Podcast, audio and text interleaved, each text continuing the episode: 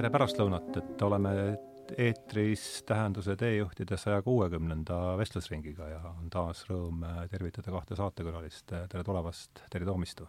tere! tere tulemast, Aro Velmet! tervist, tervist! Terjega me nägime üldse kümme minutit tagasi esimest korda.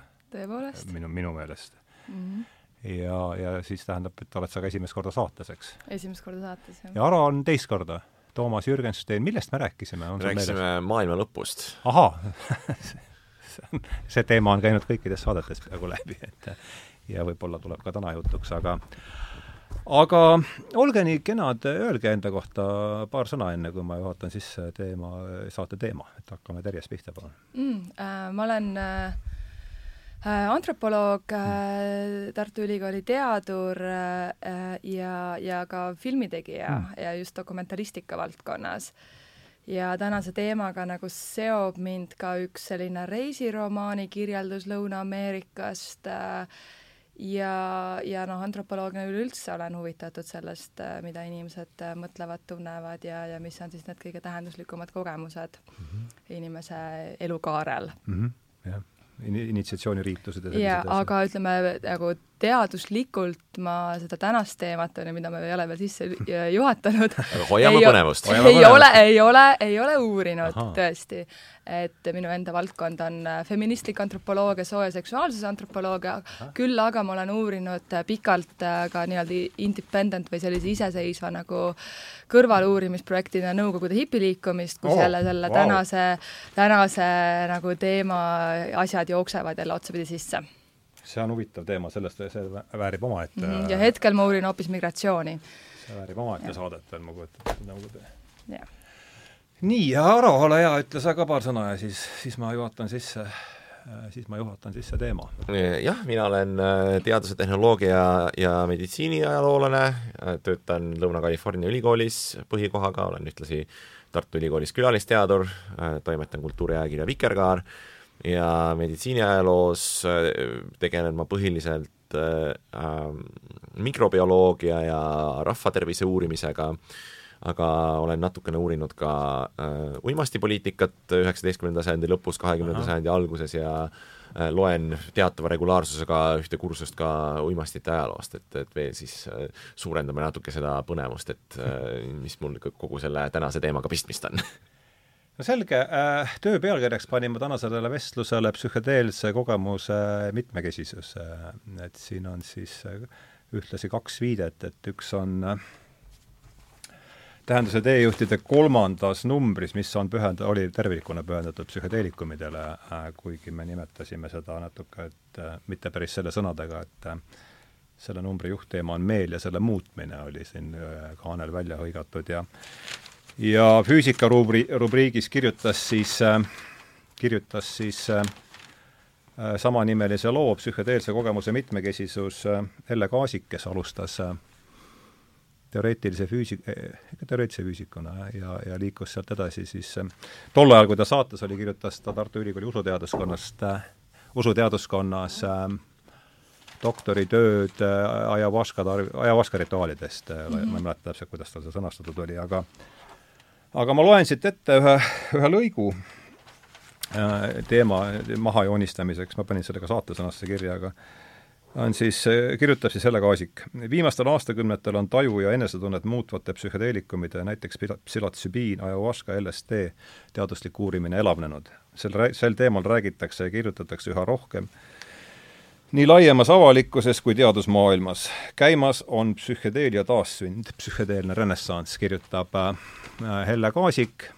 Ja see viis mu mõtted omakorda mm, oma viimasele tõlkeraamatule, Herbert Sheldrake'i mm, Kuidas minna edasi, äh, kus ta siis tutvustab seitset vaimset praktikat, mis on omased enamikele maailma religioonidest. Ja neljas peatükk annab pealkirja Kanep psühhedeelikumid ja spirituaalsed avanemised, loen siit ka ühe lõigu ja siis äh, täna meil on niisugune tempokam natuke lugu, aga, aga et ma ei hakka pikalt siin, ahaa, nii, selline lõik ka siis, et äh, kuigi kõnealused, kirjutab Sheldrake, Äh, kuigi kõnealused ained on keelustatud, on need tunginud pea, on need tunginud peavoolu ärimaailma, olgugi et mõnevõrra leebemas vormis. kaks tuhat seitseteist aast-, kahe, kahe tuhande seitsmeteistkümnendal aastal avaldas The Economist temaatilise artikli pealkirjaga Turn on, tune in, drop by the office, mis rääkis Silicon Valley arvutispetsialistidest ja teistest ametimeestest, kes üritavad omavahelises konkurentsides, konkurentsis üksteisest paremad olla ja tarvitavad sel eesmärgil mikrodooside sellest teed peale selle on alates kahe tuhande kümnendast aastast hakatud psühhedeelikumide mõju uurimis, uurimist ka seaduslikult lubama. sellest kirjutame käesolevas peatükis hiljem pikemalt. Michael Pollani bestseller How to change your mind in the new science of psychedelics, mis ilmus kahe tuhande kaheksateistkümnendal aastal, on siin oluliseks teetähiseks. see teavitas avalikkust uute uuringute tulemustest ja tõi psühhedeelikumide teema peavoolu. et äh, psühhedeelne renessanss on siis äh, tänase saate teema ja äh, ma küsingi, et mis pildi paneb see sõnapaar äh, jooksma äh, teie peades, et alustame Terjest? ei, ma olen vägagi nõus, et, äh, et see, et see, see on toimumas mm, -hmm. et et mida ju see kahekümnenda sajandi ajalugu näitab, ongi see, et, et kui see LSD avastati või teadvustati selle avastamine neljakümne kolmandal aastal, viiekümnendatel toimus päris palju uurimust. nelikümmend kolm oli eh, Hoffmannis. kolmkümmend kaheksa ta sünteesis selle ja nelikümmend kolm oli siis see, kui, kui ta siis nii-öelda teadlikult manustas seda, mida saab pidada ka siis selleks esimeseks äh, LSD rännakuks, äh, millel puudusid igasugused ootused.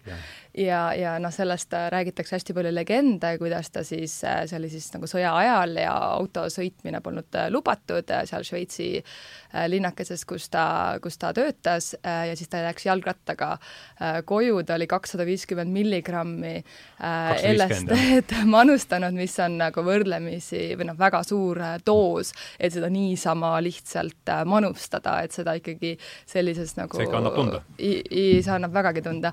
et, äh, et sellis-, et, et ütleme, et sellises koguses võtta seda sisse, sa pead olema väga nii-öelda valmistunud, äh, need kaks märksõna, millest räägitakse psühhedeelses teraapias on set ja setting, et sul peab olema ühelt poolt siis see nagu meeleseisund, et sa pead olema vaimselt oli kakssada viiskümmend, eks? kakssada viiskümmend milligrammi, jah. Ja.. et äh, sa pead olema äh, nagu meele, meeleseisund peab olema valmis, sa pead olema teadlik, et, et millises seisundis sa lähed ja teine asi on siis see äh, see setting, et, et kus sa seda tarvitad, et sul oleks turvaline, hea äh,, nagu meeldiv, nii-öelda äh, mugav äh, seda, seda kõike teha. aga et noh, tol hetkel tal, tal seda täpselt ei olnud ja siis ta läks äh, läks koju ja arvas, et ta on nagu pöördumatult äh, hulluks läinud. tema ei osanud ju midagi oodata. ja, ja siis talle kutsuti dok-, äh, arst ja arst äh, tuvastas, et kõik nagu pulss ja kõik nagu tundub nagu olevat normaalne ja siis mõni tund läks mööda ja siis ta saat-, sai siis sellise nagu noh, sellise väga nagu meeldiva sellise kirgastuse, kirgastusliku kogemuse ja, ja, ja nagu avastaski, et, et nagu see nüüd oli nagu midagi, midagi nagu väga erilist. ja siis, mis on nagu selle Albert Hoffmanni loo juures veel veel äh, huvitav on ka see, et äh, noh, üks asi on siis see, et see üheksateist aprill, kui ta siis selle kuulsa retke jalgrattal äh, tegi, et seda nüüd tähistatakse ka sellise nagu jalgrattapäevana siiamaani või sellise olulise päevana nagu LSD, ma ei tea, kogukonnana, kogukonna hulgas või need, kes seda, seda, seda oluliseks peavad, aga et siis hiljem pärast seda, kui siis kuuekümnendatel aastatel see LSD läks äh, sellisest teaduslikust ringkonnast, läks äh, noorte hulka, äh, ülikoolidesse, ülikoolide kaudu siis nagu laiemasse noorteliikumisse ja ja noh, see on muidugi pikk ajalugu, kuidas ta siis sinna, sinna hipiliikumisse, kuidas ta, temast sai selline väga nagu oluline faktor hipiliikumise, lääne või no Ameerika hipiliikumise mõjutajana, et siis pärast seda, mis siis ka paljuski tõmbas vee peale psühhedeelikumide uuringutesse teaduslikus mõttes, et siis äh, Albert Hoffmann hakkas nimetama nagu seda, mida ta alguses nimetas oma imelapseks, oma nii-öelda probleemseks lapseks, et ta hiljem mm -hmm. kirjutas raamatu LSD My Problem Child. mis on eesti keeles olemas ka. jah, jah. jah, aga et noh, et kui nüüd nagu see, see lugu nagu kokku võtta, et siis tõesti äh, viiekümnendatel aastatel äh, tehti päris palju uuringuid, äh, noh kuigi see, samas see psühhedeelia termin üldse võeti kasutusele ka viiekümne kuuendal aastal alles, et mm -hmm. meele manifestatsioon siis kreeka keelest. see oli ja... Huxley? kes veel, ei, see oli te-, Huxley kirjavahetuses. kirjavahetuses, kirja, see oli, Huxley'l oli oma versioon, eks, just, just, just. jah aga et siis äh, Timothy Leary muidugi kurikuulsalt, on ju, mis noh, keda siis paljuski nagu süüdistatakse sel-, selles, et, et, et see uurimustöö sisuliselt neljakümneks aastaks äh, peatus mm. -hmm. ja siis alles üheksakümnendatel tekkisid nagu esimesed, kes hakkasid seda asja uurima ja tõepoolest siis äh, ma ei tea, kahe tuhande kuuendat aastat on nagu viidatud selliseks nagu öeldakse psühhedeelse renessansi algusaastaks, no see on seotud nagu ühe Millega konkreetse see? artikliga äh,, mille kirjutas äh, Roland Griffiths äh, äh, ajakirjas äh, Psychopharmacology äh, ja siis see äh, artikkel oli siis äh, äh, psühhotsübiini seentest äh, ja pealkiri oli otsisin selle välja uh,, psilocybin can occasion mystical type experiences uh, having substantial and sustained personal meaning and spiritual significance. see oli siis kaks tuhat kuus? Jah, kui see artikkel tuli välja, et see oli noh, noh, peetakse selliseks murranguliseks, kuna ta siis tõi siis sellisesse teaduslikku või no sellisesse farmakoloogilisse äh, kirjandusse sellised terminid nagu mystical või siis äh, spiritual ja et siis sealt äh, noh, seda peetakse siis selliseks renessansi algust. kas sa mäletad, millal need Strassmanni DMT uuringud olid, sa vaatasid seda? ma arvan, et see oli pärast seda, aga ma ei Strassmann tuli pärast või? jah, ma nii hästi ei ole kursis seda mm. -hmm okei okay. mm -hmm., vabandust, ma tagasi. jah, aga et noh, pärast seda ongi siis to-, toimunud, kui siis ka see äh,, see äh, äh, Maps äh,, mida siis Rick Doblin on juhtinud äh, Ameerikas äh,, äh, mis on saanud ka siis noh, sai oluliselt rahasüstid ja, ja sealt on siis ka tekkinud siis neid uusi, uusi uuringuid. tuletan meelde, see on multidisciplinary uh, Association of Psychedelic Studies. Psychedelic Studies, jah. psühhedeelikumid, jah ja. Uh, multidistsiplinaarne psühhedeelikumide uuringute mm -hmm. ühing. ja nii, selle eestvedaja oli uh,? Rick Dublin. Rick Dublin, jah. kes oli jah, psühholoog ja, kes on psühholoog ja juri, jurist mm. -hmm ja temal õnnestus siis, ma saan aru ka, et sealt Silicon Valley'st äh, tuua ka siis nagu erinevaid investoreid, et nagu erakapitalil olid, olid need no nad on teinud paljuski. ikka täiesti teed rajavat tööd, eks ole, nii palju, kui mina sellest aru saan. aga sealt edasi ikkagi noh, see oli juba mõned aastad tagasi, kui ma hakkasin seda diskursust jälgima, et, et, et kui siis nagu ähm, noh, et, et see, see Donald Trumpi ajal oli üks, üks nagu asi, mis jälle nagu rõõmustas seda psühhedeelikumide uurijaid, et et kuna, kuna Trumpile läksid korda need sõjaveteranid ja, ja kogu see, selle, sellise posttraumaatilise post nagu häire sümptomid sõjaveteranidele, et siis seeläbi siis õnnestus Mapsil saada nagu korralik mm. rahastus MDMA uuringuteks just Aha. nimelt siis selle, selle posttraumaatilise sündroomi uurimiseks no,. Et äh, psühhedeelne renessanss ja minu seosed või? ma äh, ajaloolasena armastan ikka vaadata sellist äh, pikka pilti ja, ja mu esimene mõte on see, et, et kas meil on olnud mingisugust aega, mis ei ole olnud psühhedeelikumide ajastu, eks ju, et tegelikult see periood on olnud ikkagi võrdlemisi väga-väga üürikene mm. -hmm. Noh, esiteks sellepärast, et, et üleüldse see ajastu, kus äh, äh, psühhotroopsed ained on olnud kuidagi riiklikult reguleeritud, on olnud hästi üürikene, see on tegelikult saanud ju alguse üheksateistkümnenda sajandi keskpaigal oopiumisõdadega äh, ja on suuresti seotud äh, Euroopa imperiaalse ekspansiooniga üle kogu maailma ja kus siis mingisugused uimastavad ained, mis ei ole olnud Euroopa-pärased, äh, siis peaasjalikult oopium ja hašiš on muutunud selliseks stigmatiseeritud aineteks. Ja siis teised uimastavad ained, alkohol, äh, tubakas, kohvi, millest noh, suur osa on nikotiin. tegelikult nikotiin just täpselt äh,, millest küll suur osa on, on tegelikult sellesama koloniaalmaailma toodangud, aga mis on eurooplaste poolt äh, nii-öelda kodustatud, on siis äh, jällegi sellise positiivse valentsi saanud, aga tegelikult ju äh, Äh, psühhedeelsed rituaalid äh, suuresti just sellises religioosses kontekstis on olnud äh, omased praktiliselt kõikidele kultuuridele, alustades antiikkreeklastest, noh siis võib-olla kõige tuntumad on, on asteekide peyote rituaalid, ayahuasca ringid, aga siis võime ka vaadata ida poole või, või kas või siiasamasse Euroopasse, eks ju, kus on keskaja ja varausaja äh, selliseid nõiarituaale seostatud ka äh, selliste erinevate psühhotroopsete äh, või psühhedeelsete leotiste ja ja, ja keedistega äh,. Nii et noh, et nagu pikas perspektiivis äh, ei tundu see üldse üllatav, et, et me muudkui äh, üha uuesti ja uuesti nende, nende ainete ja nende toime juurde tagasi tuleme, aga nüüd kahekümnenda sajandi kontekstis äh, ja siis nende äh, psühhedeelikumide all, mida me siis nüüd mõtleme selliste klassikaliste psühhe, psühhedeelikumidena, eks ju äh,, LSD äh,, MDMA äh,, psühhotsübiin, eks ju äh,, selle juures minu meelest on päris huvitav äh, mõelda sellele, kuidas erinevalt paljudest teistest uimastitest või psühhotroopsetest ainetest on need alati eksisteerinud kuskil äh, sellise perifeeria või marginaliseerituse ja eliidi piirimail mm. -hmm. et kui me mõtleme nagu äh, noh, kas või äh, LSD äh, põhilistele äh, nimedele, näiteks Timothy Leary'le, eks ju, siis tema on mingis mõttes nagu hästi selline äh, klassikaline näide sellisest võib-olla nagu kas, kas või kuuekümnendate hipiliikumise esindajast, et ta on selline äh,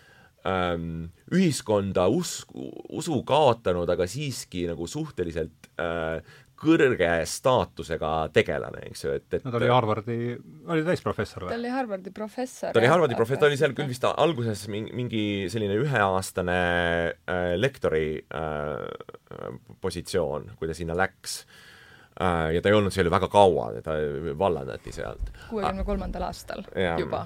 jah, täpselt, ja vist viiskümmend üheksa ta vist äh, hakkas seal oma asjadega pihta, või siin paari aastaga mööda panna mm. -hmm. aga noh, kui see, kui ka vaadata nagu tema, tema karjääri, eks ju, et äh, või, või, vaadata tema perekonda, et ta äh, isa oli, oli keemik äh, ja, ja sõdur äh,, Äh, õppis West Pointis, äh, Leary ise samamoodi oli sõjaväelane, eks ju, äh, Teise maailmasõja ajal täiskasvanuks saanud, katoliiklikust perekonnast, ühesõnaga kõik need sellised sotsiaalsed ja klassipositsiooni näitajad olid tal ikkagi nagu hästi priviligeeritud ja, ja tegelikult see iseloomustab nagu päris paljusid äh, inimesi tema äh,, tema sellises laiemas ringis, eks ju, ega Allen Ginsberg ja teised ei olnud ka mingisugused nagu äh, tohutult äh, mar-, marginaliseeritud kujud, nad olid ikkagi nagu äh, ühiskonnas kõrgel positsioonil olevad inimesed, kes lihtsalt nagu pettusid selles ühiskonnas. kontrakultuuri teema on ta ikkagi ja. olnud, eks ole, jah ja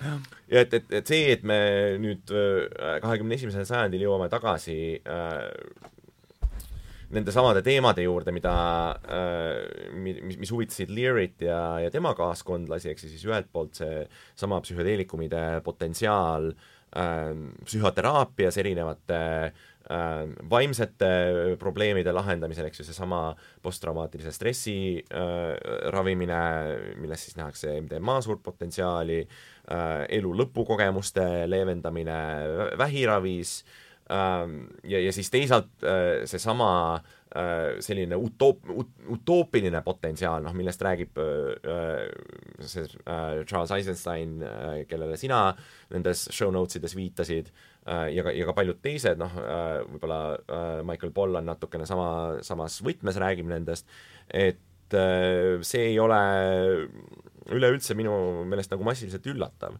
aga noh, samal ajal selle äh, eliidi äh, positsiooni ja, ja selle staatusega käib kaasas, ma arvan, et ka kogu, kogu see teine pool, et, et ega äh, Timothy Leary'l oli, oli väga palju sellist äh, äh, Madison Avenue äh, vaimu sees, eks ju. mis sa selle silmas pead? sellist Mad Meni vaimu, sellist Aha. nagu kuuekümnendate kapitalistliku turundaja vaimu, sellist, et noh, et, et pakendame selle asja nüüd nagu äh, seksi ja sellistesse hiilgavatesse suurte tulevikulubadustesse ja mm. ehitame sellele sellise suure turundusliku jõu taha, käime igas ah, telesaates äh, rääkimas äh,, eks ju, noh, ega kas või seesama äh, äh, seesama tune in uh,, drop out, eks ju, slogan uh, on ju ka no kõige ehtsam bränding et uh, et, et tegelikult need äh, nagu kuuekümnendate äh, korporatiivse maailma juured minu meelest on,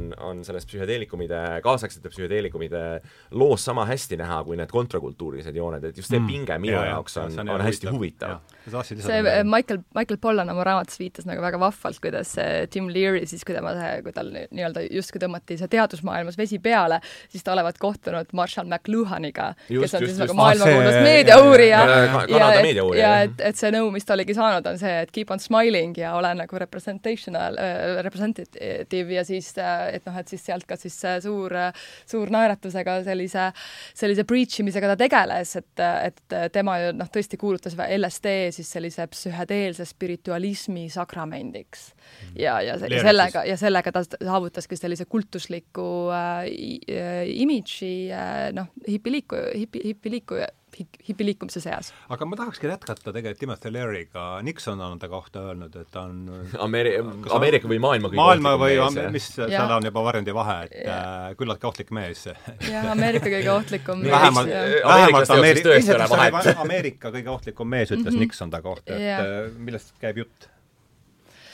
Noh, see, see, see oligi seesama, et ta, et ta tõesti kuulutas selle LSD sellise psühhedeelse spirituaalsuse sakramendiks ja noh, hipiliikumine, äh, see ju äh, noh, tõesti ta, ta, ta kasvas nagu peale sellist beat-liikumist, beatnike hulgas juba olid need eksperimendid äh, LSD-ga, noh, väga kuulus, väga kuulsad nagu tegelased, kes selle LSD nii-öelda äh, seda nii-öelda promosid, olid, olid Mary Pranksterid, kes siis kuuekümne viiendal aastal tegid sellise kuulsa bussireisi ütle palun nimi veel, ma ei tea. Äh, Mary Pranksterid, kes oli, Ken Casey oli siis seal noh, nende hulgas oli, oli võitnud äh, oma raamatule äh,, raamatu eest suure auhinna, ostis koolibussi, värvisid selle vär, värviliseks äh,, panid trummikomplekti katusele ja, ja sõitsid sellega siis nagu äh, läänekaldalt äh, idakaldale, kuhu nad siis lõpuks läksidki äh, kas nad läksidki Timothy Leary'le külla lõpuks või, ma nüüd jälle ei, täpselt ei mäleta.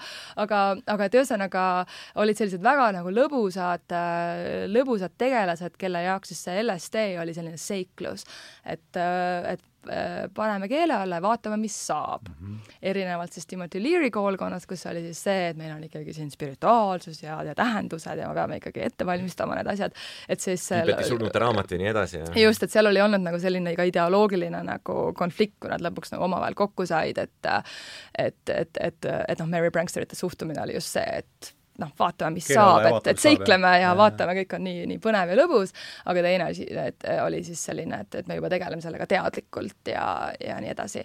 aga, aga mida siis need Mary Pranksterid tegid, kui nad sellelt reisilt tagasi tulid, olid nad, äh, korraldasid pidusid äh, äh, San Francisco kandis, mis oli siis, mida nad nimetasid siis happetestideks, acid test mm. -hmm. et, et tule, et inimesed tulevad kokku, mängitakse muusikat äh,, visuaalshow ja nii-öelda can you pass the acid test, et kas sa mm. saad sellel peolt siis nagu läbi käia, ehk siis selle, selle juurde käis siis äh, väike happetripp ja see oli siis selline noh, ka selline kontrakultuuri või selline noortekultuuri selline noh, kujutan ette, et väga ka jälle eliidi inimesed käisid seal koos ja, ja tripisid ja ja peamiselt valged inimesed muidugi, mis on hästi oluline Ameerika kuuekümnendate kontekstis mm. -hmm. absoluutselt.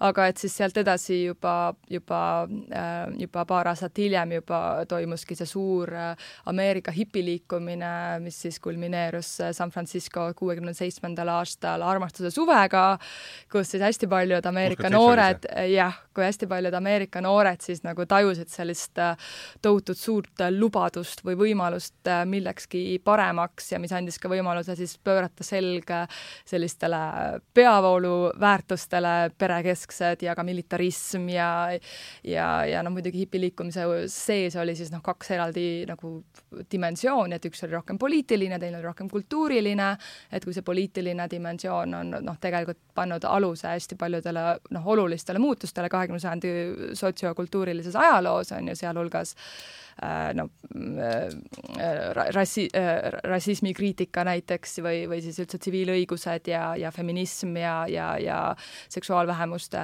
õiguse enesemääratlemisel, aga see kultuuriline pool oli siis seotud selle, selle psühhedeelse rokkmuusikaga, värvilised riided, pikad juusted, juuksed meestele, selline seikluslik rändav elustiil, ja siis nagu need sellisest kultuurilisest revolutsioonist huvitatud inimesed kogunesid just siis kuuekümne seitsmendal aastal sinna Haight-Ashbury äh, piirkonda San Franciscos, kus ma just paar nädalat tagasi jälle läbi käisin. Ja ja, ja siis seal üsna kiiresti läks asi väga kaootiliseks äh,, äh, noh, kuna ei jätkunud piisavalt palju pindu inimestel, kus ööbida, ei jätkunud süüa, nii-öelda, noh, ja siis samamoodi see LSD oli seal ka väga nii-öelda olemas ja, ja ja, ja siis sealt tekkis, sealt süvenes selline moraalipaanika mhm. Ameerika Ühendriikides, kus siis seda LSD-d hakati konkreetselt seostama siis allakäinud noortega mm, -hmm. et kes ongi nagu mehed näevad välja nagu naised ja, ja, ja ei, ei, ei peeta siis lugu äh, sellistest äh, perekesksetest väärtustest ja noh, muidugi siis ka noh, nendele noortele oli see väga oluline ka see, et see võimaldas nagu kritiseerida seda sõjapoliitikat, et mm -hmm. ju mhm. kõik noored oli, noored mehed olid ju Äh, noh, oodatud äh, Vietnami sõtta ja millal Vietnami sõda lõppes? küsiks vahele seitsmekümnenda, Nixon, Nixon tegelikult lõpetas selle, eks ju. seitsekümmend, oli seitsekümmend? Äh, üks vist jah. kuuskümmend seitse oli ta igatahes täies hoos mm. -hmm, Ab absoluutselt äh,, oli ta eskaleerumas, eks ju. Lyndon, Lyndon Johnson viis sinna oluliselt äh, sõdureid juurde ja see tegelikult nagu panustas suuresti tema äh, kaotusele. Äh, äh, siis aga, Nixonile. aga sama küsimus sulle ka siis palun veel, et äh, demonstreeri, miks, kust järsku niisugune mõte, et kõige ohtlikum mees üldse kõige Ameerikas? ohtlikum mees Ameerikas, no seal on ju äh,, neid täristajaid on ju vagunite viisi, kes avavad tule siin ja seal, et kuidas nüüd Leeri järsku see kõige ohtlikum on? Äh, no Terje andis sellele minu meelest juba, juba päris ammendava vastuse, aga no, pane omalt poolt ka midagi värvi juurde, palun äh,.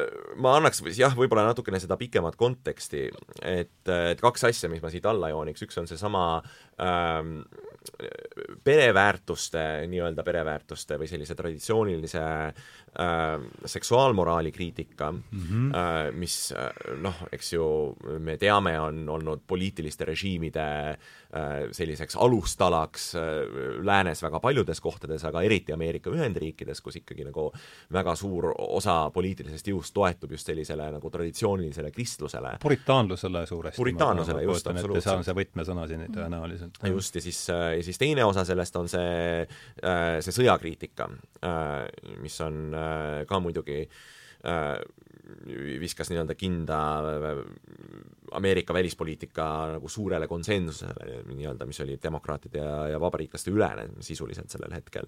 ja noh, mis omakorda oli seotud üleüldse selle äh, külma sõja vastandusega, kus on, eks ju, vaba maailm Ameerika Ühendriikide näol ja, ja siis äh, kommunistlik äh, maailm, noh, mida siis äh, ja seda vastuolu, eks ju, me mängiti lahti Vietnami sõjas ja, ja siis, kui keegi tuleb ja, ja äkitselt ütleb sulle, et kuulge, et me ei pea seal sõjas olema, siis Aha, see on see, see, see kontekst. esitab, esitab väga suure äh, küsimuse selle kohta, et, et mida see antikommunistlik poliitika siis äh,, siis täpselt teeb, et kas äh, kas see tõepoolest siis nagu kaitseb maailma kommunismi eest või, või on äh, või, või kui selgub, et see Vietnami sõda on tegelikult asjatu sõda siis mis kõik muud asjad, mida siiamaani on kaitstud selle antikommunismi nime all, eks ju mm, -hmm. võivad osutuda veel täiesti mõttetud. no ei tea, mul tuleb kohe mäkartism, äh, kui sa räägid seda, siis tuleb see kuidagi kohe niimoodi väga äh,, väga mida... õigusega ja tegelikult see ei ole, see kuuekümnendate moment ei ole kaugeltki mitte esimene hetk, kus äh,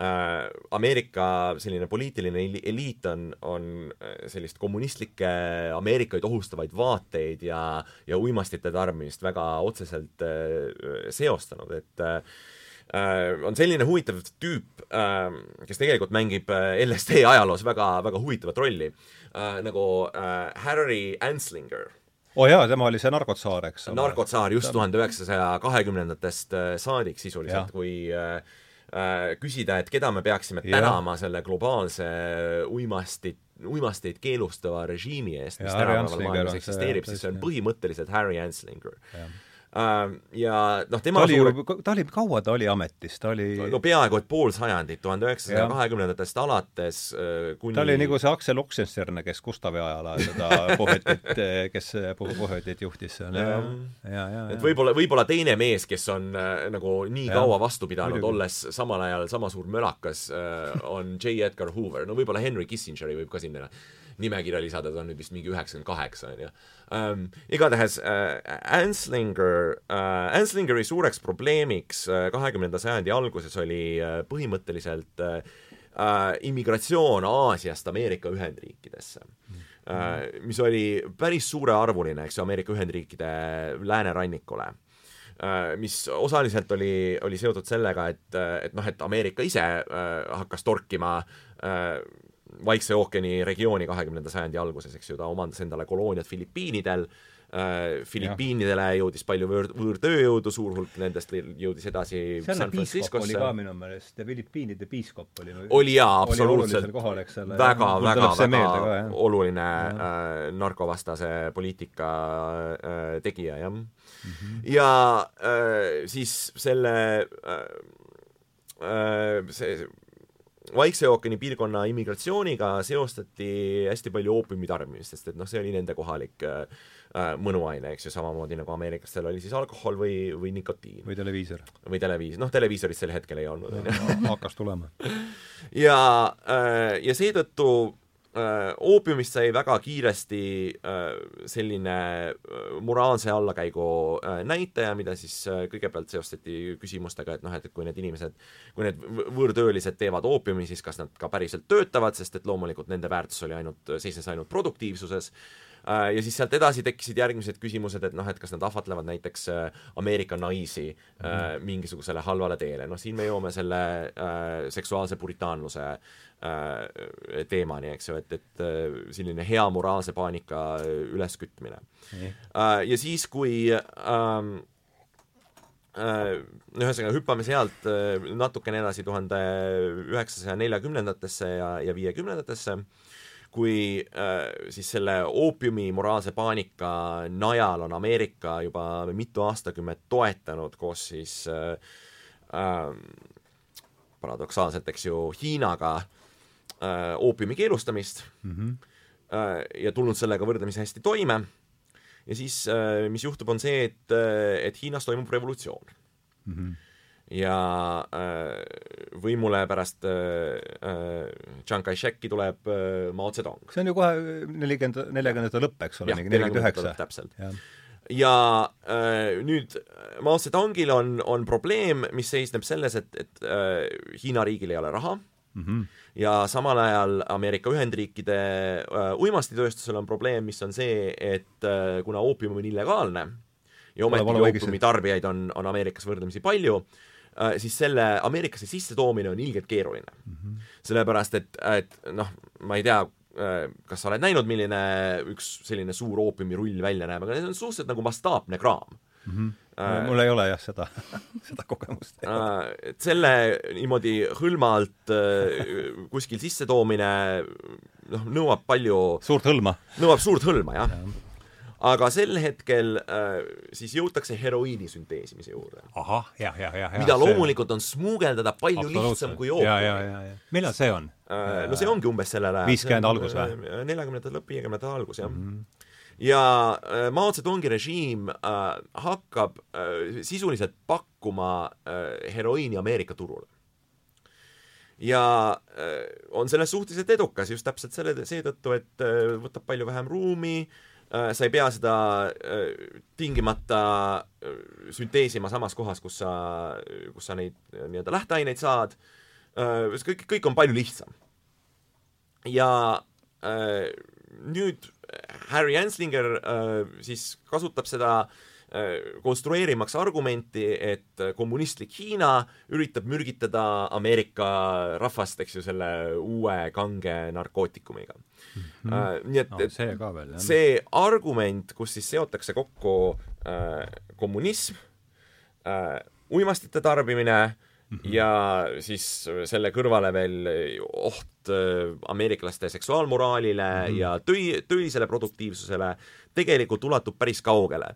ja kahekümnendal sajandil me suuresti näeme, kuidas seda argumenti lihtsalt nagu äh, taaskasutatakse äh,. lihtsalt vahetatakse selle äh,, selle toote nimi mida para-, mis siis parasjagu seda ohtu kujutab, et ühel hetkel on see äh, oopium, ühel hetkel on see heroiin, siis äh, järgmisel hetkel äh, on see LSD, on see, on see LSD või kanep aga töötab üldiselt sama hästi, sest et seesama seksuaalmoraali ja antikommunismi tondid on, on Ameerika kultuuris nii, nii sügavalt juurdunud, nii et osaliselt see vastus sellele küsimusele, et miks Richard Nixon peab Timothy Leary't kõige ohtlikumaks inimeseks, on see, et ta on seda argumenti juba päris mitu korda harjutanud. Mm ma tahaksin teha väikse täpsustuse, et äh, jah, et see saade on psühhedeelikumidest, et siin on nüüd äh, võib-olla olekski hea teha ring sellest, et mis on, äh, mis on uimastid, mis on narkootikumid, mis on psühhedeelikumid, millest me üldse, et mulle tundub, et tavalise inimese jaoks on üks suur sahtel äh, pealkirjaga narkootikumid ja seal on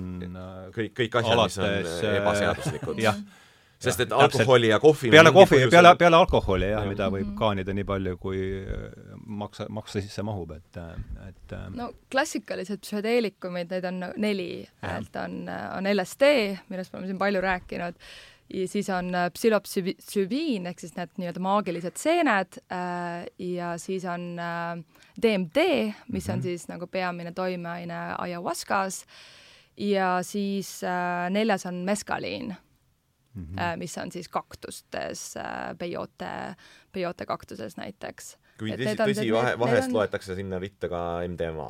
just, et, et mõned teadlased peavad ka MDMA-d aga nende nelja osas on konsensus, ma saan aru? no need neli on sellised klassikalised, aga siis jah. ongi, et, et, et oleneb kellest, et, et oleneb ja. millistest nagu, millisest lähenemisest, aga noh, selge on see, et MDMA toimib ajus natuke teistmoodi kui need neli eelnimetatud psühhedeelikume.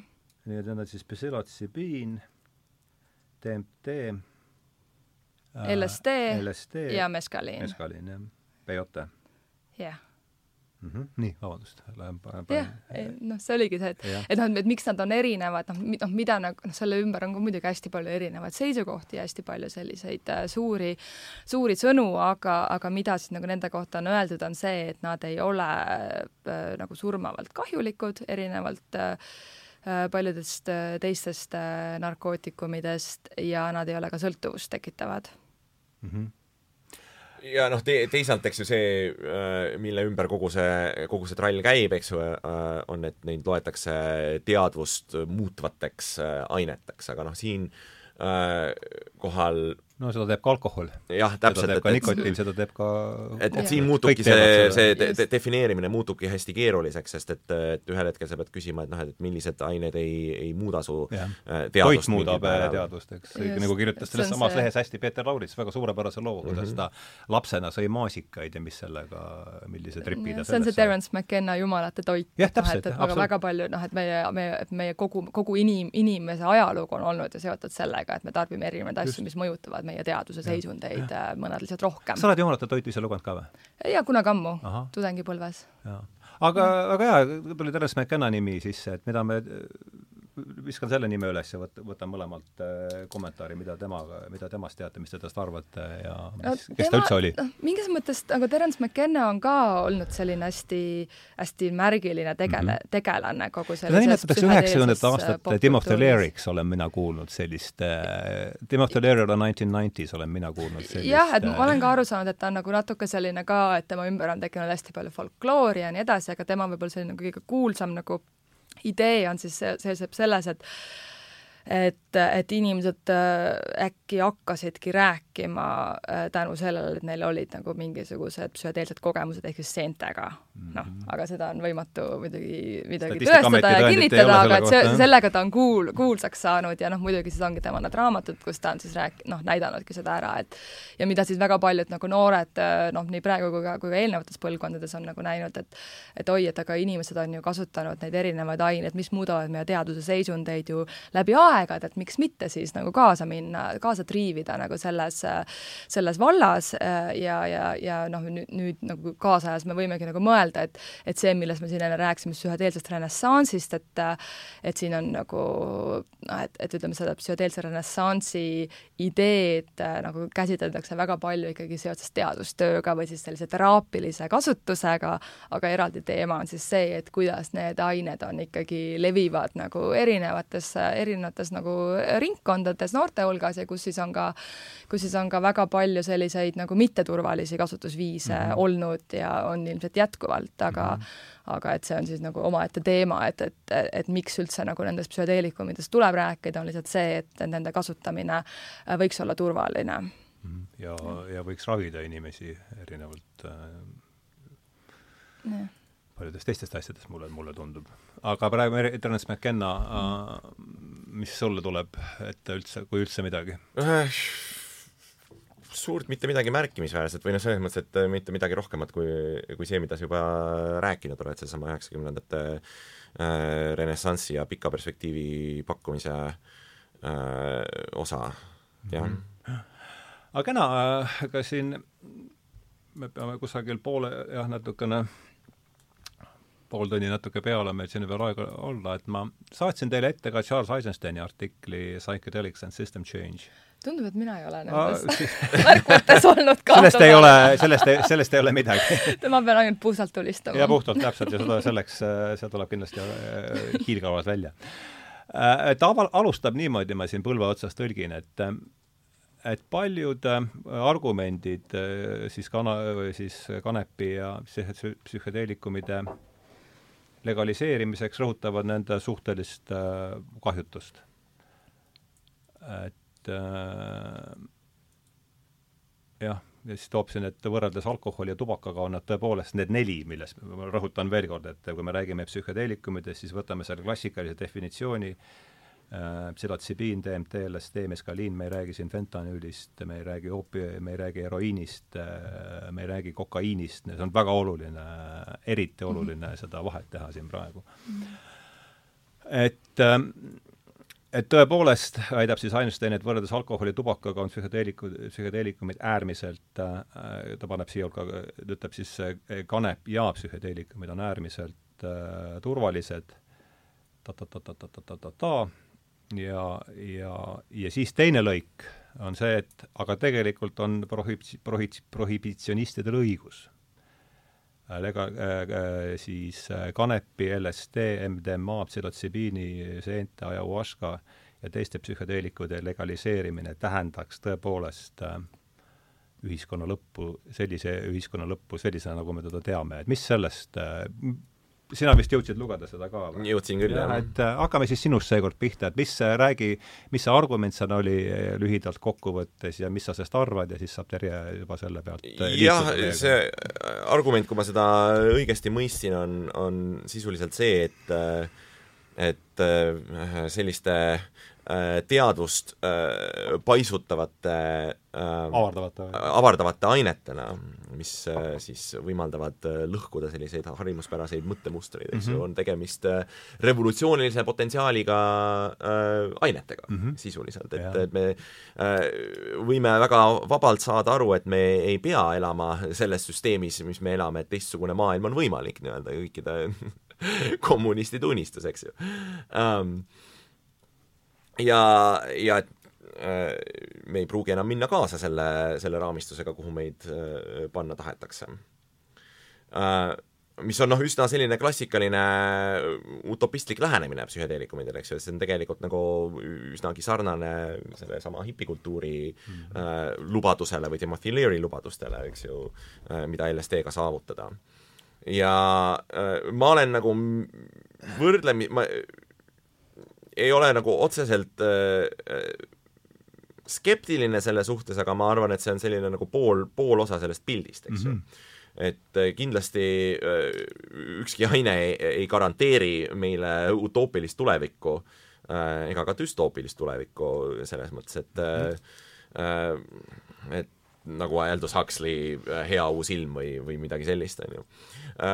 ja psühhedeelikumidega on, on sama lugu, et et ajalooliselt äh, LSD on olnud ka äh, kandidaat, eks ju, CIA äh, tõeseerumi programmis.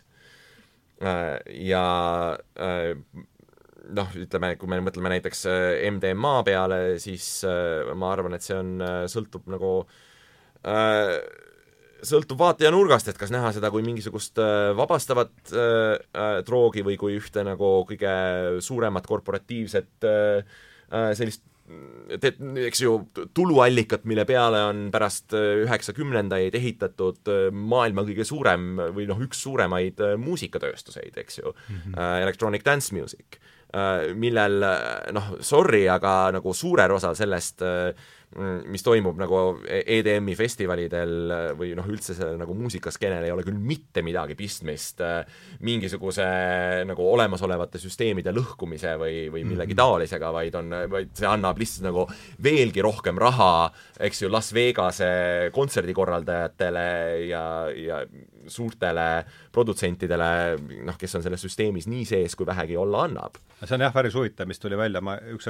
põhilisi asju, mis ma siiani olen enda jaoks kaasa võtnud, et see pinge see kontrakultuuri ja korporatiivkultuuri vahel, see tundub olevat ilmselt üks tõesti üks kõige olulisemaid äh, äh kohti selles temaatika. ole hea, Tere, kas sa midagi mm -hmm. lisad selle ma mõtlesin visata veel ühe nime siia, siia sellesse meie tänasest, tänaste nagu peategelaste hulka, et on nagu Stanislav Grof. oo oh, jaa, muidugi mm. -hmm. et kes on äh, ju Tšehhi päritolu äh, üks esimesi nagu LSD uurijaid äh, psühhiaatrina, psühholoogina. ma lisan veel vahele, et meil on kod-, selle meie kanalil on eraldi playlist Stan Grofist, on küll väike, väike mm -hmm. valik neid, aga lihtsalt, et mm -hmm. kuulajatele. ja noh, Stan Grof oli see, kes siis noh, Tšehhis äh, sünteesis äh, LSD-d ja, ja oli, oli mitu uurimisinstituuti, kes seda siis uurisid ja ja siis ta läks kuuekümne seitsmendal aastal läks äh, Ameerikasse ja, ja noh, siis samas, samas koges ka seda, et, et kiiresti pandi sealsed, sealne uurimustöö siis kinni. aga, aga, aga mul on olnud äh, au temaga kohtuda.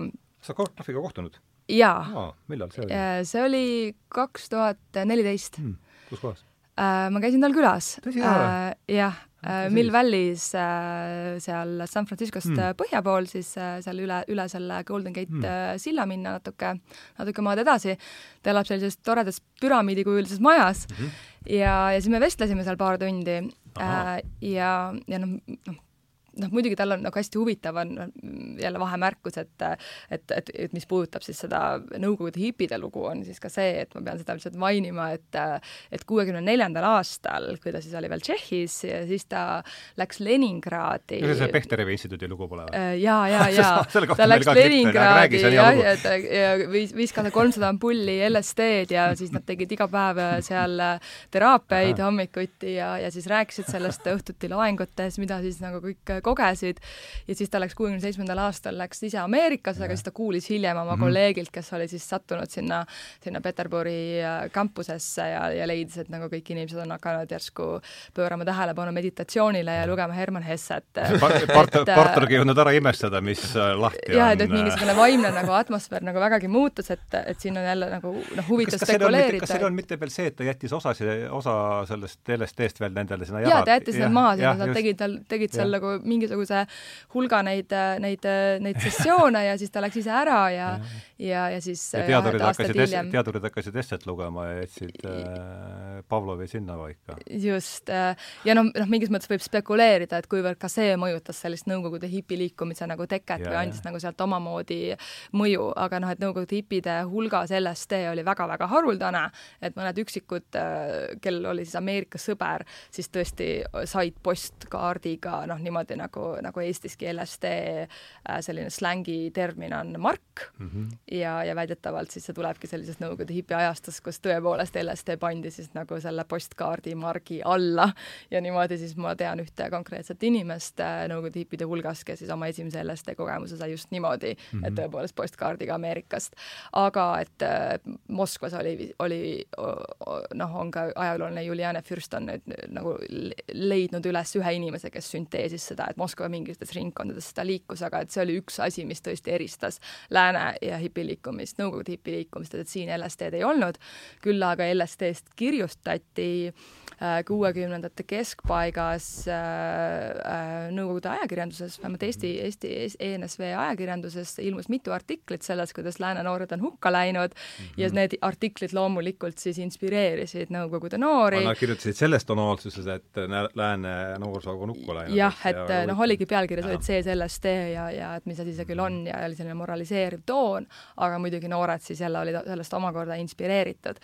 aga nüüd tagasi tulles Stanislav Grofi juurde, et, et selles äh, intervjuus või mis ma temaga tegin tol hetkel või see vestlus, et siis ta noh, mainis, et äh, äh, mainis nagu kahte asja, et miks selline psühhedeelne kogemus võiks olla oluline või mis, millest peitub see revolutsiooniline potentsiaal, et üks on siis nagu keskkonnateema ja see on tõesti, et kes on psühhedeelset kogemust kogenud, siis väga paljud nagu märgivad sellist üksolemise tunnet ja, ja sellepärast soovitatakse ka neid LSD nagu äh, teraapiaid või, või kogemusi nagu siis läbi viia sel-, noh, ma ei tea, kuskil kohas, kus on taimi, mhm. kas või toas toataimed või siis veel parem äh, vabas looduses, et, et, et see üks läbivaid nagu jooni, mis nagu, mida siis nagu nendes kogemustes kirjeldatakse, on siis see, et sa tunned, et sa oled osa siis sellisest elus, elus, elusast maailmast, sa tunned sidet siis kõige ele-, elavaga mm. -hmm. ja noh, mingis mõttes see on ka siis selline väga oluline panus ka nagu äh, noh, üldse kogu selle keskkonnadiskursuse peale mõtlemises, et, et saada aru, et ähm,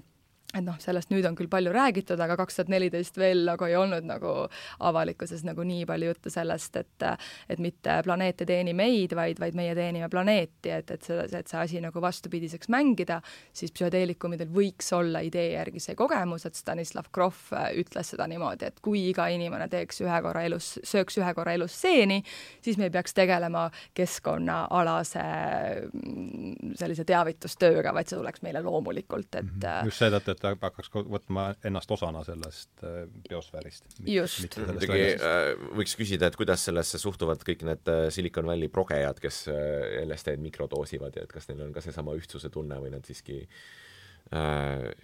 et jätkavad progemist selle mis iganes korporatsiooni jaoks, kellena, kelle jaoks nad parasjagu juhtuvad töötama, kes tõenäoliselt ei, ei hooli sellest keskkonnast nii palju kui, kui Krohv jah, noh, see on, see on, see ongi täpselt see, see, see juba ülejäänud diskussioon, et alati no, annab ju tuua neid näiteid inimeste hulgast, kes on, kes on teinud äh, neid psühhedeelseid aineid ja jätkuvalt on sitapead, et loomulikult neid inimesi on ka olemas. ei no Aga... minu, minu meelest äh, päris hea viis seda raamistada on, on seesama äh, set and setting äh, küsimus, eks ju, et, et tegelikult ju sõltub kõik sellest, et mis kontekstis sa seda äh, ainet tarbid, et, et see set and setting on siis, mis on koht ja koht koht ja koht ja meeleseisund. koht ja asjaolud, jah, ja, ja, jah, jah, just. Jah, koht ja meeleseisund.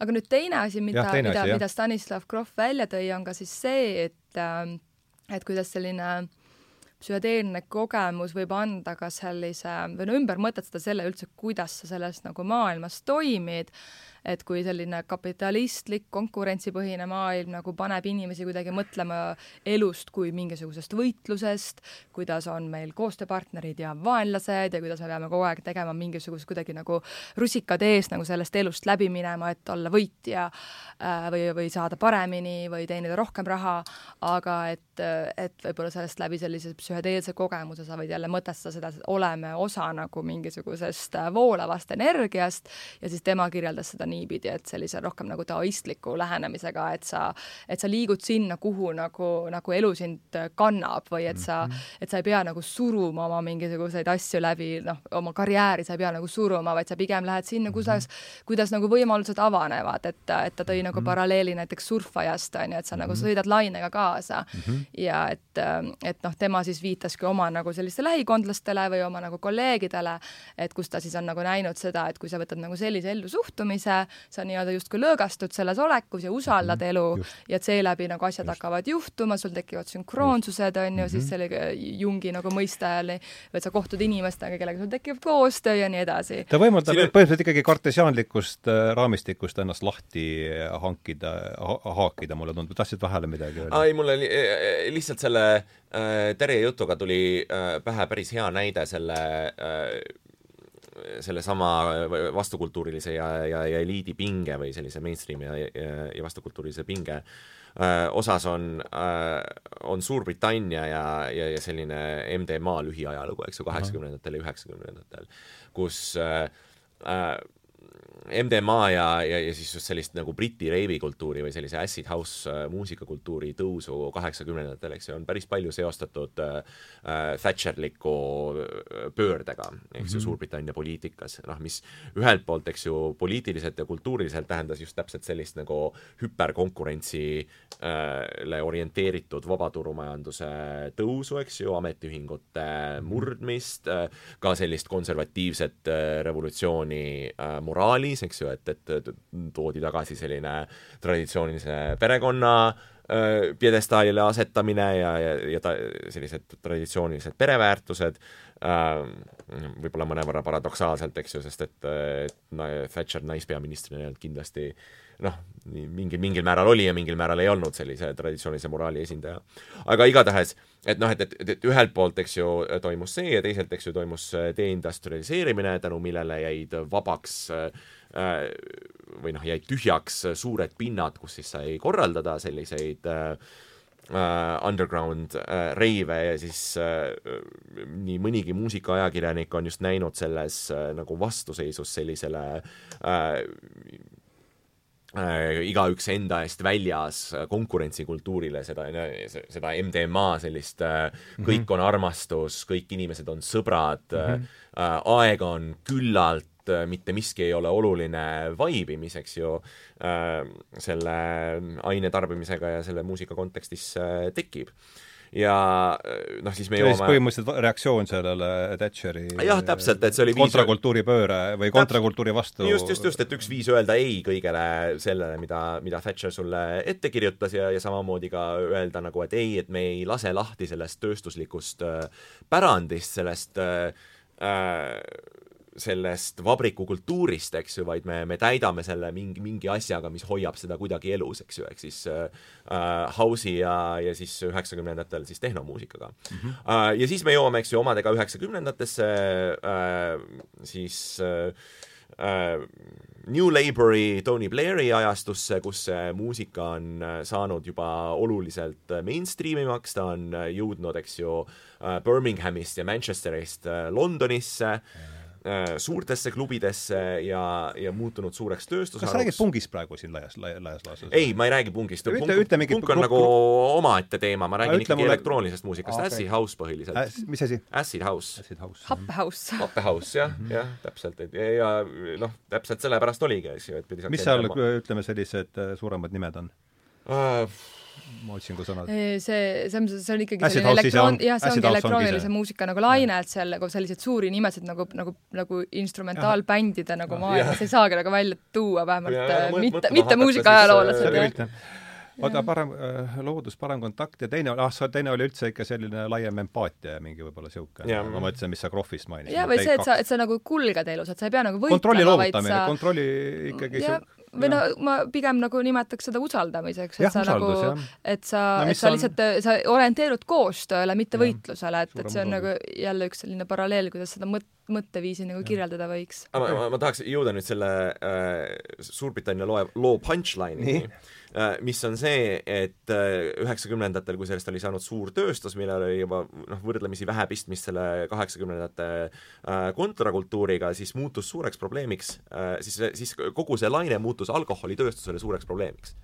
sellepärast, et konkreetselt Suurbritannias mm -hmm. alkoholi tarbimine hakkas langema ja eriti nagu see osa, mis tõi nagu eriti suuri kasumeid ehk ööklubides alkoholi müümine, sellepärast et noored ei joonud enam alkoholi, vaid nad jõid vett sellepärast et äh, noh, nad käisid klubides äh, MDMA-d tegemas ja siis kõik, mis sul vaja on, eks ju, on vett selleks, et sa ei äh, dehüdreeruks, see, sa ei taju, kui kiiresti sa äh, vett kaotad, pluss sa, eks ju, üks MDMA kõrvalmõjudest on see, et su kehatemperatuur tõuseb, sa higistad palju rohkem kui tavaliselt ja äh, alkoholitööstus oli üks suurtest lobistidest, kes töötas selle nimel, et muuta MDMA äh, nagu väga rangelt reguleeritud illegaalseks uimastiks. Ja oli noh, suuresti vastutav paljude nende lugude eest, kus siis nagu räägiti, kuidas see või teine inimene on, on MDMA tarbimise tagajärjel ära surnud, sest et ta on selle suures osas seetõttu, et ta on seda tarbinud mingite muude ainetega ja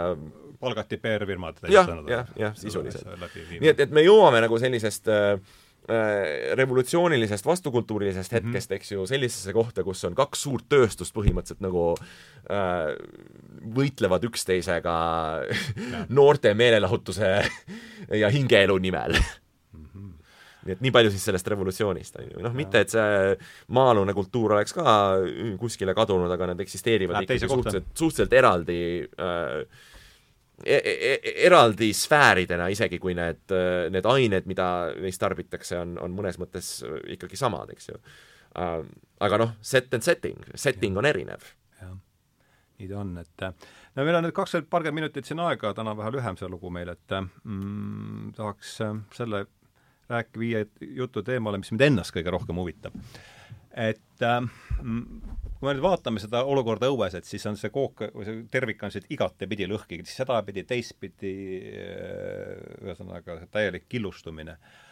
aga mulle tundub, et ja see on nüüd minu niisugune, ma tahaks teie arvamust sellest saada, et mulle tundub, et üks põhimõttelisemaid selliseid vastusseisu, mida, mida see, mida, mida võib-olla väga palju ei, isegi ei äh, millest ma ei ole kuulnud palju juttu olevat, on et kes võtavad kanti tõsiselt ja kes ei võta, kes ei võta kanti tõsiselt, et äh, et mulle, ja kuidas see haakub psühhedeelikumidega, on see, et mis, mis ütleb Kant, nii palju kui mina temast aru saan, et me ei näe, me ei näe asj-, me ei näe reaalsust kunagi, me ei saa reaalsust kunagi teada, sest me näeme reaalsust läbi mingi filtri ja, ja psühhedeelikumid võimaldavad meil seda filtrit vahetada.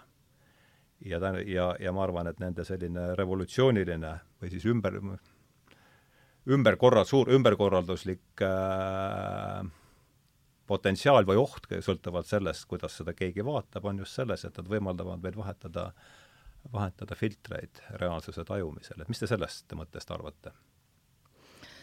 No vaata, ma ei ole ajuteadlane, eks ole, aga Mina nii, jah, täpselt nii vähe, kui ma olen aru saanud, et, et kuidas need psühhedeelikumid siis nagu ajus või mida nad siis nagu teevad, on see, et nad võtavad ära sellise nagu sellise tavapärase, tavapärase sellise sellise süsteemi või kuidas seal need, need asjad nagu omavahel on seotud, et ta nagu nii-öelda lülitab selle välja.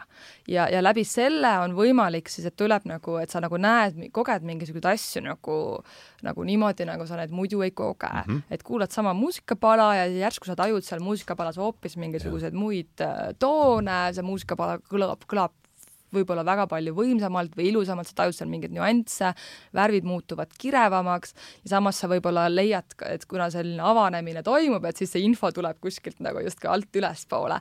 et noh, mida nagu noh, mis on selline aju-uuringute puhul ju räägitakse, on see, et et selline aju tegeleb nagu pideva ennustamisega, et sa kogu aeg -hmm. pead nagu panema seda reaalsust kokku niimoodi, et mis juhtub järgmiseks, mis juhtub järgmiseks. andmed võtab mälust. jah, jah, aga et siis, kui nagu see ära võtta, siis on see, et sa oled justkui nagu mm, -hmm. äh, oled avatud nagu ko kogemustele ja no muidugi siin on nagu hästi palju folkloori selle ümber, et kas siis see on see tõeline olemus, aga ma arvan, et see ei olegi nagu nii oluline, et, et mina nagu antropoloogina mõtlen nendest asjadest ikkagi läbi sellise fenomenoloogilise printsiibi, et mis tähendab tähendusi siis inimene sellele kogemusele nagu panustab ja, ja noh, mis on siis nagu tõesti selgunud, mõnele asjale ma viitasingi, et et kui inimestel on olnud need psühhedeelsed kogemused, on ju, nende nimetatud nelja ainega, on ju, noh, ütleme, ayahuasca ja mescaliini puhul on ta siis tavaliselt ikkagi ka rit, väga ritualiseeritud kontekstis. et ayahuascat ikkagi niisama nagu ise nagu, nagu ei, ei, ei, ei manusta, et tavaliselt seda tehakse ikkagi šamaaniga, äh, kas siis nagu Amazonase traditsioonilistes kogukondades või siis sellistes fusion kogukondades kuskil Euroopas äh, või Eestis, et äh, et siis sa nagu noh, mis, mida siis nagu kirjeldatakse nendes kogemustes, on siis see tugev mingi müstiline kogemus, et mingisugune selline spirituaalsed nagu tunded või, või, või selline spirituaalne olemus saab justkui nagu äh, kogetavaks, armastuse tunne, et kõik on armastus või et armastus on kõige tähtsam äh, ja siis ka selline üks olemine nagu looduse või, või elu, kõige. Need sama need krohvi asjad, eks, mis jah, et nagu need on need tavalised, mis nagu, mida nagu kõige rohkem nagu kirjeldatakse sellises psühhedeelses kogemuses. aga et mis on siis nagu jälle, kui jälle selle teraapia teemani tagasi tulla, et et seesama see Krohv on nimetanud psühhedeelikume, ta on võrreldud psühhedeelikume, psühhedeelikumid on psühho-, psühho-, psühholoogiale sama, mis on äh, mikroskoop bioloogias või teleskoop astroloogias, et see on nagu tema tsitaat. ja astronoomias thanks.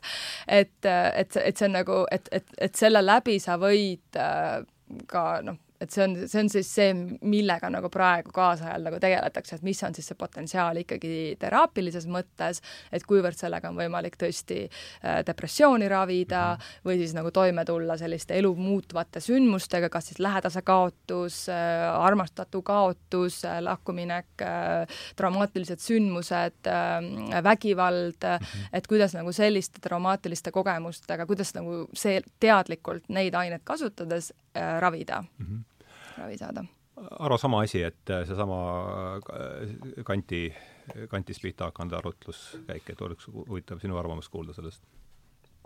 jah, ma vist jõuan äh, enam-vähem sellesama mõtteni, mis äh, Terjegi, et et see kontekst on hästi oluline mm. -hmm. et ja, ja, ja sel-, sellest sõltub päris palju see, et, et milliseid tähendusi inimesed nendele äh, ainetele annavad, et loomulikult need äh, efektid, mis nad äh, ajus tekitavad, on, on nii-öelda objektiivsed, aga kuidas neid tõlgendada äh, ja mida nendega pärast peale hakata, eks ju, see sõltub vägagi sellest, et äh, et kus sa ise parasjagu oled, kui sa, kui sa ka ne, nendega tegeled, et äh, see teraapia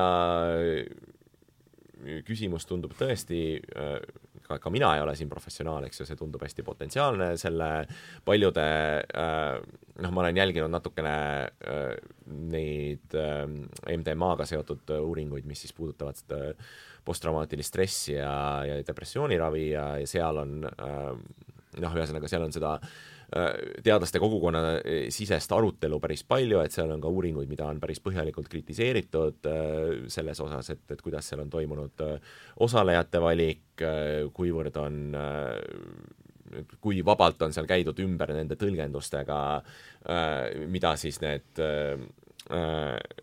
nendes katsetes osalejad on, on neile pakkunud või et mida loetakse nii-öelda edukaks PTSD raviks ja, ja, ja, ja mida ei loeta, kuidas käitutakse äh, inimestega, kellel on olnud mingisugused väga negatiivsed kogemused sellega.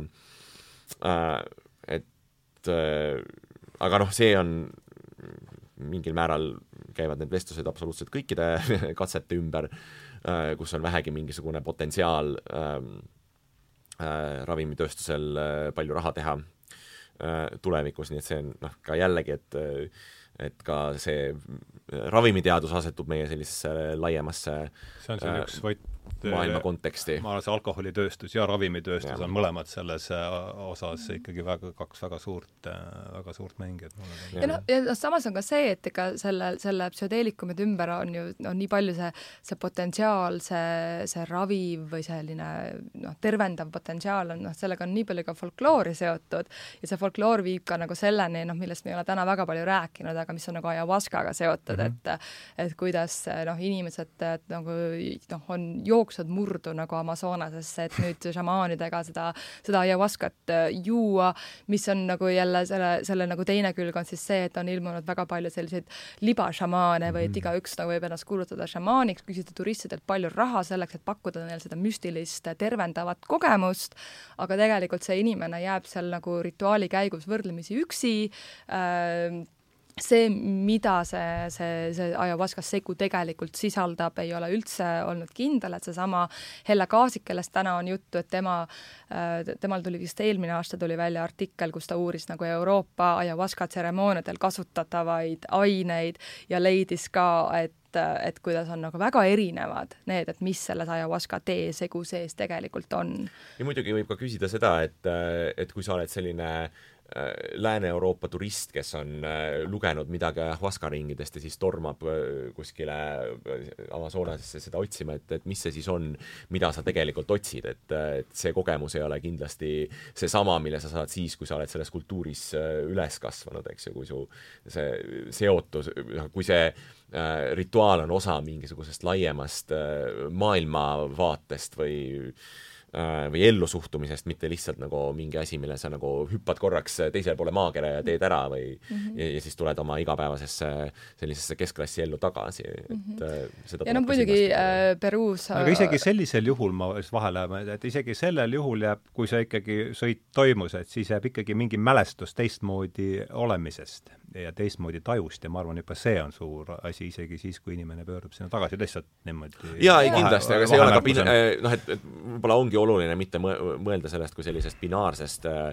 Äh, et see reaalsus ja siis see ja. mingi muudetud reaalsus, vaid et, et äh, mõeldagi nüansseeritult, et, et on palju erinevaid kohti, kuhu see, Just, selle see, ajahuaska ringi või, või LSD tripiga võib jõuda mm. -hmm. ja muidugi noh, ütleme, et kui mina, no ma mainisin siin äh, saate sissejuhatuses ka, et et mina koos Berit Renseriga kirjutasime raamatu pealkirjaga Seitse maailma, mis on siis nagu reisiromaan Lõuna-Ameerikast, kus siis üks peatükk räägib ka sellest ajahuaska kogemusest mm, Äh, mis meil oli äh, äh, Peruus Shipibo šamaanide juures. Ja noh, sellises hapras eas, nagu ma siis tol hetkel olin, oli see muidugi Seitse maailma. Mm -hmm. et see oli, noh, see oli kahtlemata selline vana sa olid siis? ma olin kakskümmend kolm et see oli kahtlemata minu jaoks elumuutev kogemus ja ma tagantjärgi arvan, et see oli, võis olla ka kogemus, mis tõi mind antropoloogia juurde. et just selline nagu väga nagu oma kogemusest tajutav selline, kuidas reaalsus on sotsiaalselt konstrueeritud, et on võimalik kogeda erinevad reaalsused, mis on tegelikult ju äh, selline antropoloogilise mõtlemise mm -hmm. nagu selliseid tü-, tüvesid, et, et kuidas inimesed kogevad oma reaalsust ja, ja mõtestavad seda läbi siis sellise äh, sotsiaalsete süsteemide mm. -hmm.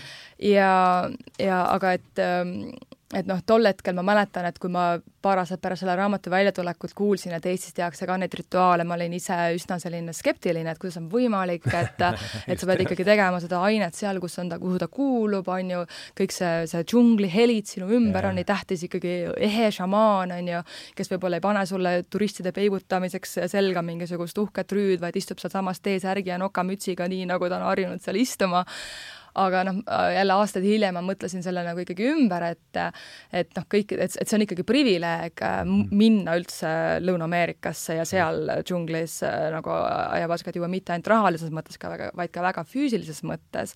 et ma olen käinud seal Peruus ka noh, selliste šamaanide juures, kuhu on vaja kõigepealt lennata, siis sõita kaks Äh, kolm tundi sõita autoga, siis hmm. sõita kaks tundi paadiga, siis veel tund aega kõndida yeah. läbi džungli. ja siis sa nagu oled seal nagu, kui sa viis päeva oled olnud seal nagu džunglis, siis sa rohkem ei taha seal olla, sest sa oled üle keha ära söödud kõikide nagu nende putukate poolt, et et see noh, see ei ole lihtsalt kogemus, mis on kõikidele inimestele kättesaadav, puht füüsi-, füüsilises mõttes, et et selles selle, selles, selles osas ma olen nagu ise nii-öelda nagu noh, väga aktsepteerinud seda, et, et see on olnud nagu asi, millest on saanud globaalne fenomen, ta on muutnud oma vorme, ta on muutnud oma manustamise viise, see on okei okay,, küll aga tasub olla jätkuvalt kriitiline, et äh, kes seda pakub, mida nad pakuvad täpsemalt, kuidas seda tehakse, kui palju selle eest raha küsitakse, no just, et, et siin on ikkagi, on olnud ka ikkagi väga palju nagu noh, noh, äh, halbu kogemusi sellega, noh, ma ei tea, kas väga palju võrreldes sellega, kui palju on häid kogemusi olnud, aga siiski on no oleks no, imelik, kui neid poleks, eks. no just, et ta on olnud ka sellised manipulatiivsed äh, šamaanid, on ju, kes on noortel tüdrukutel võtnud riided seljast ära ja noh, et igasuguseid nagu lugusid on nagu liikunud, liik-, liikunud, et et tasub olla nagu väga valiv selles suhtes ikkagi, et kuidas neid asju nagu tarvitada, kuivõrd nad on nii võimsad. mis te arvate äh, Jeremy Nabrist? sa oled kindlasti lugenud äh, Kosmilist siugu? jaa mis sa arvad, mis sa sellest raamatust arvad, kuidas see sinu kogemusega no seda ma lugesin ka tol ajal, on ju, kui see kõik see selline tudengi Snaabiga oli no, väga noh. huvitav no, intervjuu, mul, mul enda jaoks oli viiendas lehes väga, väga temaga et noh, tema on olnud üks selline noh, antropoloog, kes on seda asja nagu seda kogemuslikus mõttes nagu väga palju mõtestanud ja ta on Eestis ka käinud ja rääkimas, et et, et ma arvan, et ta on väga nagu vajaliku töö ära teinud. Mm sa oled lugenud? ei, ei ole, nii et mina jään vastuse võlgu mm. -hmm. jah, aga noh, ütleme, mis üldse nagu sellises äh, noh, antropoloogilisest lähenemisest võib-olla veel nagu siia lauale tuua, on ka see, see nagu idee, et, et miks need psühhedeelsed kogemused on noortele nii atraktiivsed või et miks see hipiliikumine üldse nagu sellise nagu kuju võttis, on seesama see üleminekuriituste olulisus et, et seda on antropoloogid Just. näidanud, et erinevates kultuurides läbi aegade on alati olnud mingisugused riitused, mis Just. viivad siis inimese ühest eluperioodist järgmisesse, ehk siis ja. nagu teismelise east täiskasvanu ikka või siis nagu menopausist või siis surmarituaalid on ju, pulmarituaalid, et need rituaalid on hästi olulised olnud ja just see üleminekuriitus nagu nii-öelda lapseeast täiskasvanu ikka on oluline mm. -hmm. ja, ja mida siis nagu noh, et üks teooria sellele hipiliikumisele on ka see, et et nagu Ameerika nagu kultuuris ei olnud sellist riitust ja samas noored otsisid seda mhm. sellist mm nagu äh, autonoomsuse saavutamise või nii-öelda enda nagu vabastamise kogemust ja sealt siis see LSD populaarsus, kuna, kuna see võima-, võimaldas selliseid riituseid ja, ja noh, seeläbi võib ka nagu mõista, miks noored jätkuvalt otsivad selliseid metsafestivale, kus siis teha oma esimesed psühhedeelsed rännakud, et seda seda ju tehakse nagu noh, siinsamas Eestis on ju kogu aeg, et mis võib-olla ma nüüd liialdan, aga aga noh, et, et see on nagu nii olemuslik nagu jätkuvalt Euroopa nagu noorte hulgas, et, et on nagu teatud festivalid või seltskonnad või kuhu siis nagu noored lähevad ja otsivad neid müstilisi mm. kogemusi, et see on nagu jälle antropoloogilises mõttes väga mõistetav, kuna otsitakse just nimelt seda üleminekuriitlust, et saavutada autonoomsus ja vabanemine ja just sellises hapras eas, kahekümnendate alguses on nad nagu väga populaarsed mm. -hmm tahad sa lisada midagi siin äh,? ei noh, võib-olla ainult seda, et, et see on ka võib-olla seesama põhjus, miks äh, äh miks ma olen mõnevõrra skeptiline selle väite osas, et, et kas see psühhedeelia on nüüd lahendus sellele killustumisele, mis ei, ma ei arva, et, ma ei arvagi, et see lahendus killustumine, aga ega ta vast, jah, äh, sorry. no ega ta, ega ta ka halba kindlasti ei tee, jah, ma arvan, et ta nagu enam killustab. üks aine nüüd jah, kõiki meie probleeme ei lahenda, see on ka selge, eks, aga mm -hmm aga noh, see on ka seesama, et et, et ega see, et kui sa jooksed sinna, sinna Peruusse, jood seda ayahuascat ühe korra, et see ei lahenda sinu probleeme, tähendab, ta ei pruugi lahendada sinu probleeme. Aga ta võib olla algus aga, nende probleemide lahendamisele. ta võib olla algus, aga et, et see on seesama, et et neid, et see, et, et miks need, et noh, mida need, need psühholoogid, kes nende, nende, nende teemadega tegelevad, toovad just välja, et on nii oluline ka see see, see, see, see, see vestlus või see, mhm. see tuning, et et ega nendest kogemustest üksi ei ole, ei ole kasu, kui sa ei oska neid mõtestada või ka neid, neid nii-öelda küsimusi või, või ülesandeid endale nagu püstitada seeläbi. et selles mõttes, kui sa lähed sinna nagu mitte inglise keelt kõneleva šamaani juurde, siis äh, sul võib olla müstiline kogemus, aga see ei pruugi seda. lahendada sinu, sinu dramaatilist kogemust, et sul oleks vaja pärast seda konsultatsiooni psühholoogiga. jah, just nimelt, kui sa saad, saad mingi kogemuse ja Aktuaalne Kaamera ütleb sulle, ma räägin kujundlikult, eks, et sel-, sellist kogemust ei saa olla et mis sa siis peale hakkad selle, eks ole, selle kogemuse ja sellega, mida ajaleht sulle räägib, et et see on minu meelest see oluline, see, see viib minu, minu meelest meid jällegi selle Eisensteini artikli juurde tagasi, eks, et mm -hmm nojah, mina katsun alati oma tude-, tudengitele rääkida seda, et et noh, et, et me ei taha langeda sellesse samasse lõksu, kuhu on langenud äh, äh, nii-öelda Äh, Drug Enforcement Administration või, äh, või teised sellised narkopolitseinikud, kus me nagu keskendume sellele ainele, eks ju. et, et me räägime nagu LSD-st või, äh, või MDMA-st või, või psühhotsübiinist või, või millestki sellisest, me peaksime ikkagi rääkima, rääkima nendest protsessidest, et, et tegelikult kui me räägime äh, terapeutilisest protsessist äh,, siis äh, traumajärgse äh, posttraumaatilise stressiravil, mis hõlmab MDMA-d, siis see on tegelikult no hoopis teine asi kui see, kui me räägime äh, nädalavahetuse reivist hallis või mingisugusest kaheksakümnendate Briti äh, underground äh, reivist, eks ju, et, et need on erinevad kultuurid, need on erinevad kontekstid ja see, et, et nende, neil on mingisugune ühine nimetaja nende äh, ainete näol, mida seal tarvitatakse, noh, see on kindlasti, see ei ole nagu täiesti irrelevantne aga nad on ka ikkagi täiesti eraldi üksused või, või eraldi mingisugused protsessid ja kogemused ja et, et me võib-olla jõuame palju lähemale nende protsesside mõistmisele, kui me hakkame pihta sellest, et me küsime, et, et mida see, mida see rituaal endast kujutab, mis, mis eesmärki see äh, rituaal teenib, kuidas inimesed seda äh, kogevad, mis on äh, selle jaoks vajalikud elemendid, millest nagu üks on võib-olla see aine, aga teine asi on täpselt see šamaan, see koht mm, -hmm. need teised tegevused, et noh, et et me, me, me ei saa lihtsalt nagu keskenduda ülemäära sellele ühele küsimusele ja jätta kõik need ülejäänud kuidagi teisejärguliseks no nii ta on, aga sellest teistest küsimustest ilmselt me peame vaada-, kella vaadates nüüd järgmine kord rääkima, et et äh, heas seltskonnas olen tähele pannud, läheb aeg äh, lennates ja nüüd ongi peaaegu poolteist tundi läinud ja kuivõrd täna on meil siin äh, piira, väike piirang peal, siis tõmbame praegu joone alla te sellele, sellele vestlusele, et aitäh tulemast, Terje Toomistu! oli jah. kas perekonnanimigi. Terje, aitäh, Terje Toomistu, aitäh, Arvo Velmet, ma olen väga tänulik, et te leidsite aega mm, tulla täna ja ja oli väga huvitav teiega. ja samad sõnad, aitäh kutsumast! aitäh, aitäh Kaiale puldis, aitäh kõigile, kes on teinud saate võimalikuks, aitäh kõigile, kes meid kuulavad ja tõmbame siis joone alla ja läheme lahku suuremate sõpradena, kui me enne olimegi, nii et konsumaatum est!